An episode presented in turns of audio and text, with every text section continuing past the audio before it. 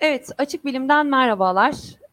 Bugün e, Tevfik Hocam yayında ve e, çok vakit kaybetmeden öncelikle ona hemen sorularımı yöneltmek istiyorum. Hocam merhaba, nasılsınız? Ee, iyiyim, ne yapalım? İyi olabilecek kadar. 15 gün geçti deprem felaketi üzerinden. İşte yavaş yavaş kendimize gelmeye başlıyoruz. İnsan doğası bu.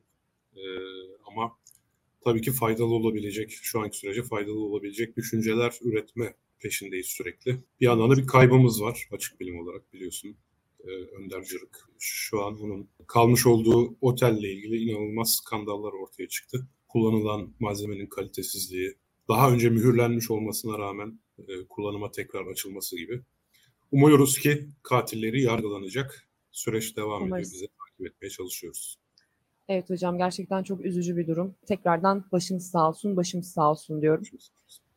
Hocam ben öncelikle bir sorularımı yönelteyim çünkü bunlar çok merak edilen sorular. Birinci sorumdan başlıyorum. Dün bir tweet zinciri paylaşmıştınız. Ee, epey de ilgi çekici oldu. Bu tweet'e gelen yanıtlardan ve yapılan alıntılardan görüyoruz ki aslında herkesin bir benzer dertleri var. Ee, konu beklenti teorisi. Evet. Ekonomiyle alakalı olan bu teorinin şu an depremle alakası nedir hocam? İlk sorum bu.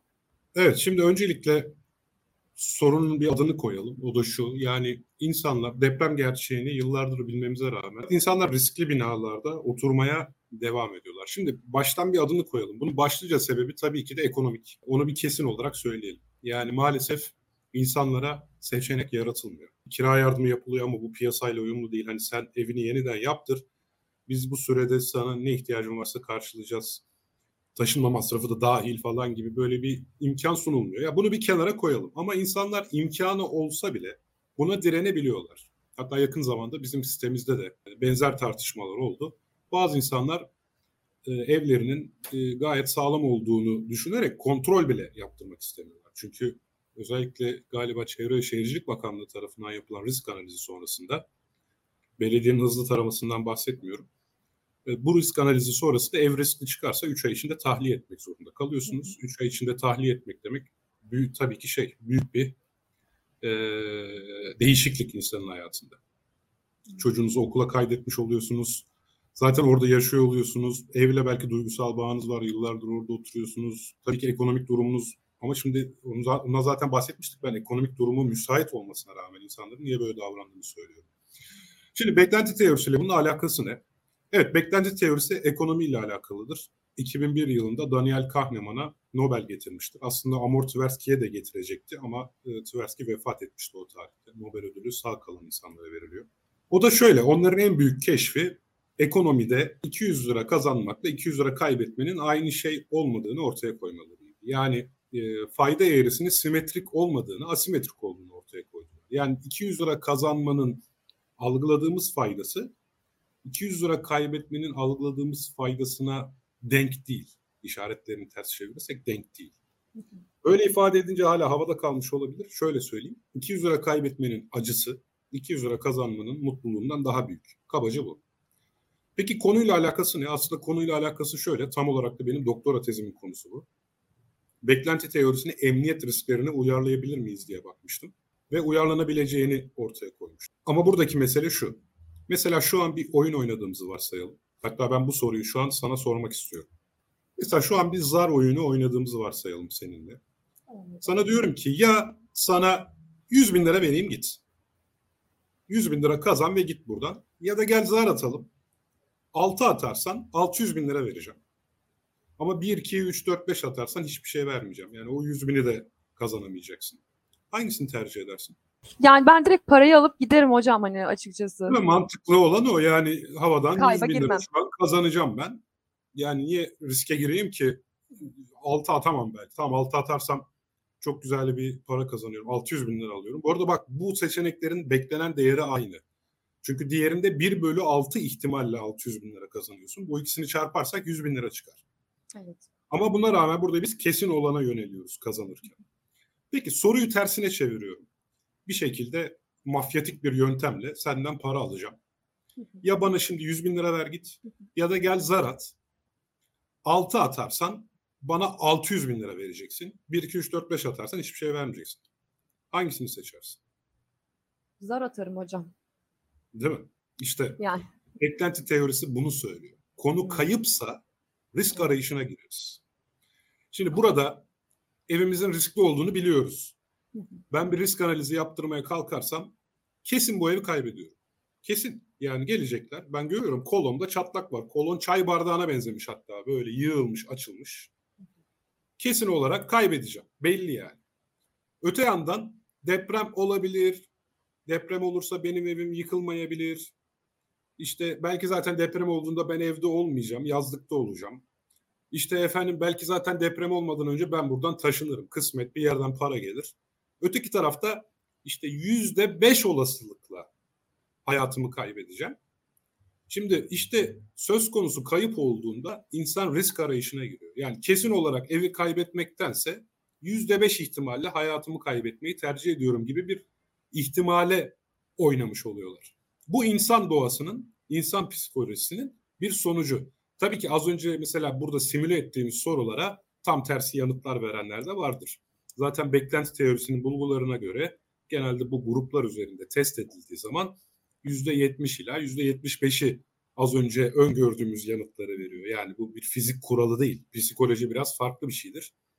Ee, ama ve lakin genel olarak işte insanların %70'i bu dediğimiz şekilde düşünme eğiliminde. Dolayısıyla işte bu ekonomi teorisinin aslında emniyet riskleriyle ilgili kısmı da burada. Çünkü zaten risk dediğimiz zaman bir istatistikten bahset, olasılıktan bahsetmiş oluyoruz biz. Riskin tanımı da bu. Değer verilen bir şeyin belli bir kayıp olasılığına sahip olması durumuna biz risk, risk diyoruz. Yani istenmeyen bir sonuç henüz ortaya çıkmamışsa ama çıkmasına ihtimal varsa bu durumu biz zaten risk olarak tanımlıyoruz.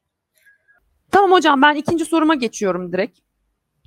Ee, şimdi Marmara depremi veya başka depremler fark etmez. Bu riskler hep aynı. Peki neden şimdi herkes harekete geçmek istiyor? Yani burada risk arttı diyebiliyor muyuz? Hmm, şöyle, bulunabilirlik etkisi dediğimiz bir heuristik var. Mesela ara, araçla 130'da 140'la otobanda gittiğini varsayalım. Az sonra bir kaza gördüğün zaman bir süre yavaş gidersin. Çünkü aklına kaza yapma olasılığının aslında sandığından yüksek olduğu bir anda geliverir. E, çünkü kaza o an senin için bulunabilirdir. Veya uçak şiddetli uçak kazalarından sonra insanların e, uçakla seyahat etme isteğinin bir süre azaldığını görürüz. Kısa süre sonra artar. Benim bunu açıklamama bile gerek yok. Bu ülkedeki herkes şunu biliyor. 99 depreminden sonra işte herkes depremi düşünüyordu. Her depremden sonra böyle oluyor. Ama bir süre sonra insanlar bunu unutuyor. İşte bu bulunabilirlik etkisi. Yani İstanbul depremi riski 3 hafta öncesiyle şu an aynı. Ama hepimize her an olabilecekmiş gibi geliyor. Ben resmen şu an geceleri nöbet tutuyor gibi davranıyorum. Yani bu arada bunları bilmek engellemiyor bu davranışı. Ee, risk artmadı. Sadece deprem gerçeğinin yeniden farkına vardık. İşte risk psikometrisi de bunun böyle olacağını söylüyor zaten. Yani etrafımızda bu riske ait bunu hatırlatacak olaylar arttığı zaman bu riskin algıladığımız gerçekleşme olasılığı da artar.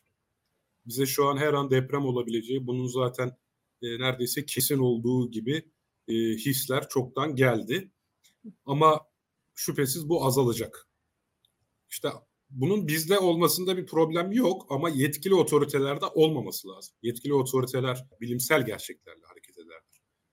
E, ama işte e, ve şu an bu yapımızı kontrol ettirelim mi, ne yapalım, bir önlem alalım, nereye taşınalım, evi mi bırakalım, biz bu işten nasıl kurtulalım düşüncelerin hepsi maalesef birkaç ay içerisinde kaybolacak. Evet. Maalesef. Evet. Doğru söylüyorsunuz. Aslında şöyle e, burada ben şunu demek istiyorum da hocam. Şimdi deprem olmadan önce Kahramanmaraş'ta e, aslında İstanbul depremi çoktandır beklenilen bir haber olduğunu biliyorduk yıllardır. Ee, ama mesela bu arada o da Marmara depremi. İstanbul depremi dememizin etkisi e, Ha. İstanbul depremi dememiz bile psikolojik. Çünkü birincisi zaten sen İstanbul'da yaşıyorsun. evet, İkincisi İstanbul çok daha büyük bir nüfus. Utiliteryen yaklaşıyoruz burada. Daha çok nüfusun etkileneceği yer baskılıyor böyle zihnimizi. evet. Pardon böldüm bu arada. Yok olsun hocam. İşte şimdi ben mesela bundan öncesinde belki çok nadir ayda bir, belki iki ayda bir dile getiriyorduk biz bu e, İstanbul'da işte deprem bekleniyor bakalım ne zaman olacak gibi biz söylentileri hep ağzımıza öyle alıyorduk. Ama şimdi herhangi bir yerde büyük çaplı böyle bir felaket yaşadığımız zaman dediğiniz gibi hemen harekete geçmek istiyoruz. Daha çok korku sarıyor, daha çok böyle hızlanıyoruz bir şeyleri ama bir yerden sonra da nedense hep gerçekten o unutma ya hepimizde mutlaka oluyor. Mesela şu an yaz bitti. E, hepimiz normal hayatlarımıza dönüyoruz ama Şimdi e, Festinger'in bilişsel çelişki kuramı vardır. E, kabaca şöyle ifade etmemiz lazım. İnançlarımızın ve bilgimizin davranışlarımızla tutarlı olması gerekir. Bunlardan bir tanesi tutarsızsa biz içten içe bir rahatsızlık yaşamaya başlarız. Bir zihin acısı diyelim hatta buna ve bunu düzeltmek isteriz. Ya davranışımızı değiştirmemiz lazım ya da bilgi inancımızı değiştirmemiz lazım. Şimdi e, şu şartlar altında bir deprem riskinin tekrar farkına vardık. Eli kulağında Marmara depremi olacak ve biz de çok büyük risk altındayız. Şimdi benim bu bilgi karşısında davranış değişikliği yapmam lazım. Nedir bu?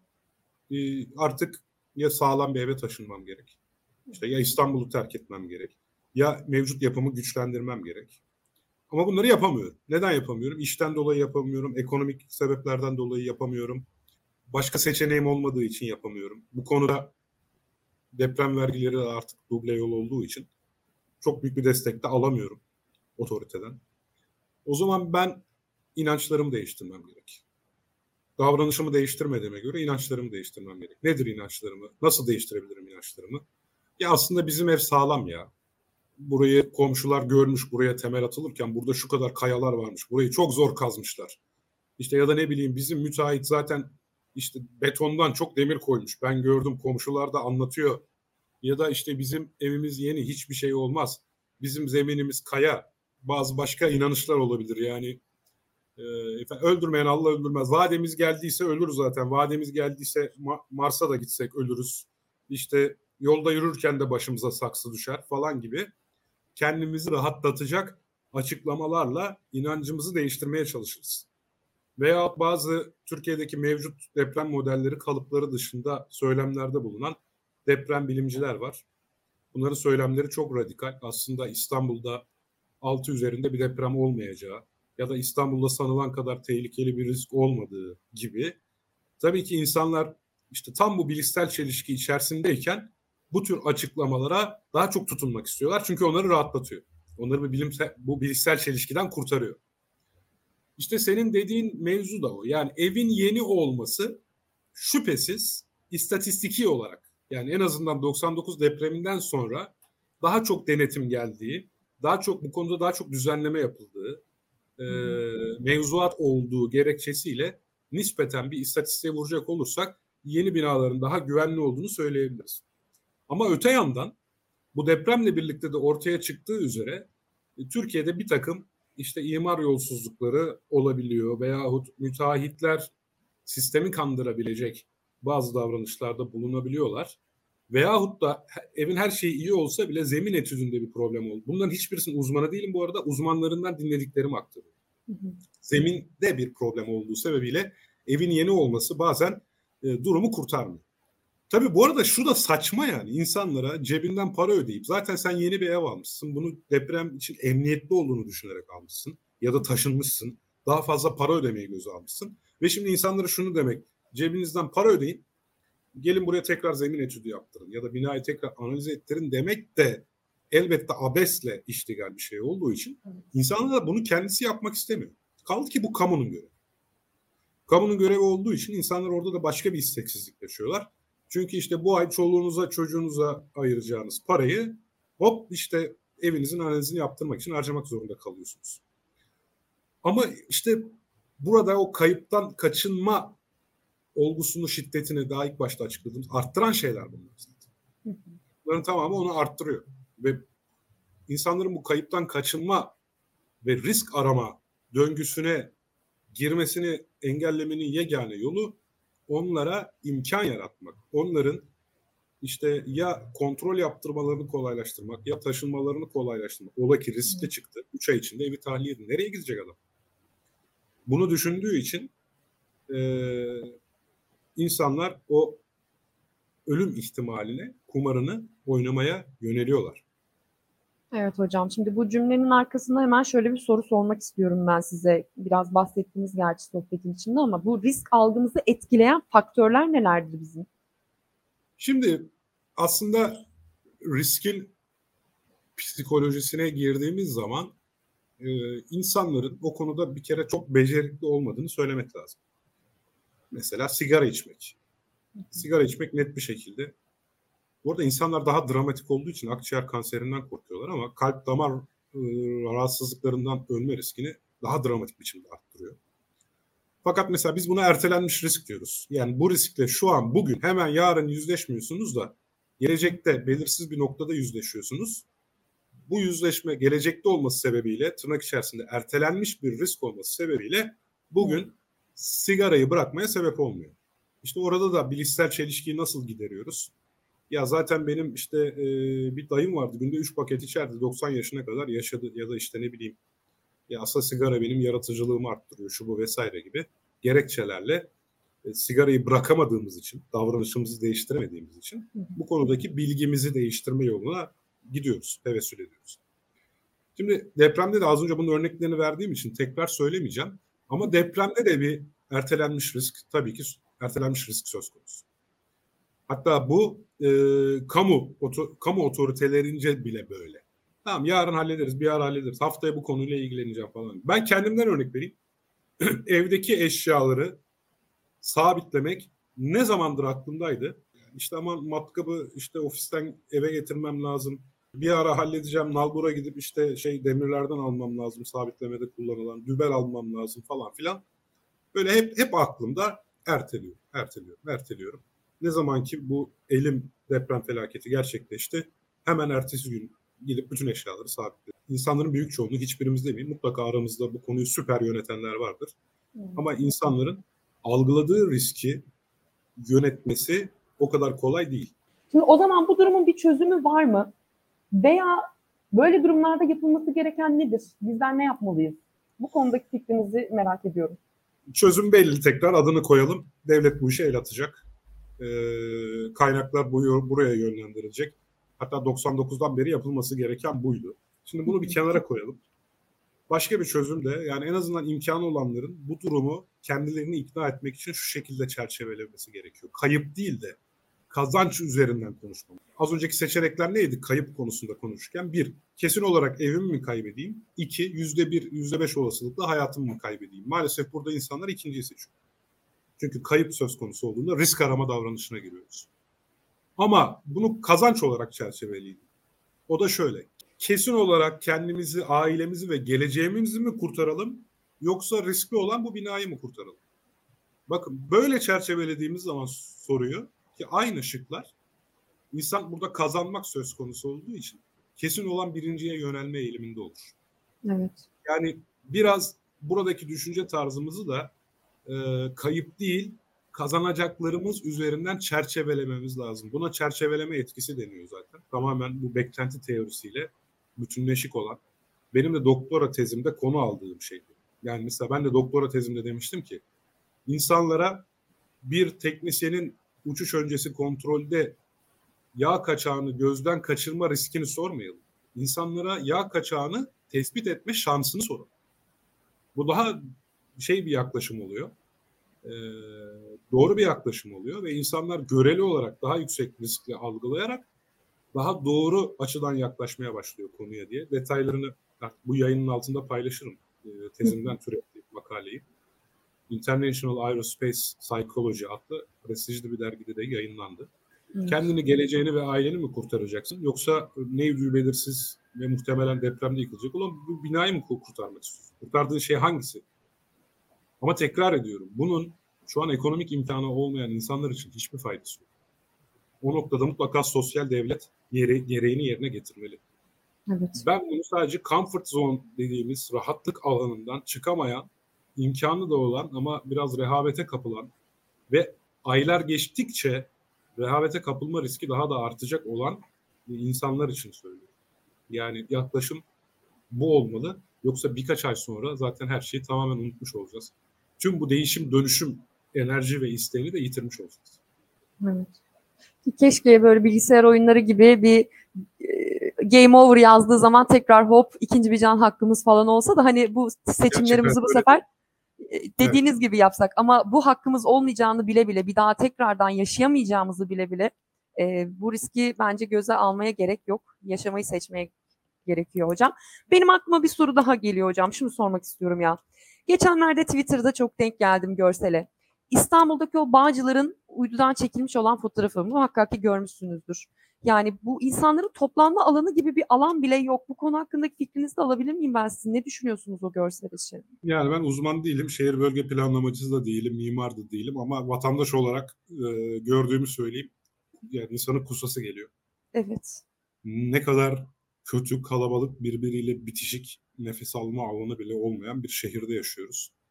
Yani İstanbul bu hale geldi, gelmeye devam ediyor. E, bir deprem şehrine bunu yapmak, yapılmasına izin vermekle ilgili Evet. e, etik ve vicdani sorumluluğu e, hissetmesi gereken insanları göreceğiz. Onları çok anacağız. Kötü bir şey olduğu zaman da artık iş işten geçmiş olacak. O yüzden Evet. e, maalesef bir şey söyleyemiyorum. Anladım.